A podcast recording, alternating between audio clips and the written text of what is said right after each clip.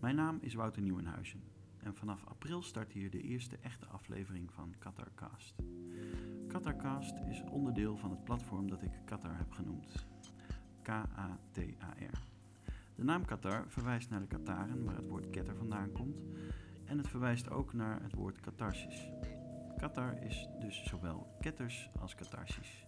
En ik hoop dan ook dat deze podcast je zal prikkelen of verlichting zal bieden en het liefst allebei. Het eerste onderwerp dat ik zal behandelen is de dood.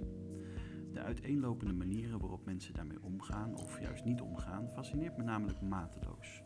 En ook vooral waarom het zo'n taboe is, terwijl de dood zo'n beetje het enige is wat wij als mensen met elkaar gemeen hebben. Deze eerste serie zal bestaan uit gesprekken met zeer uiteenlopende mensen. Over hun ervaringen met de dood en hun ideeën over de dood. En niet zelden ook over hoe zij vanuit hun werk met de dood in aanraking komen. Vanaf april zal iedere tweede en vierde maandag van de maand een aflevering gepubliceerd worden.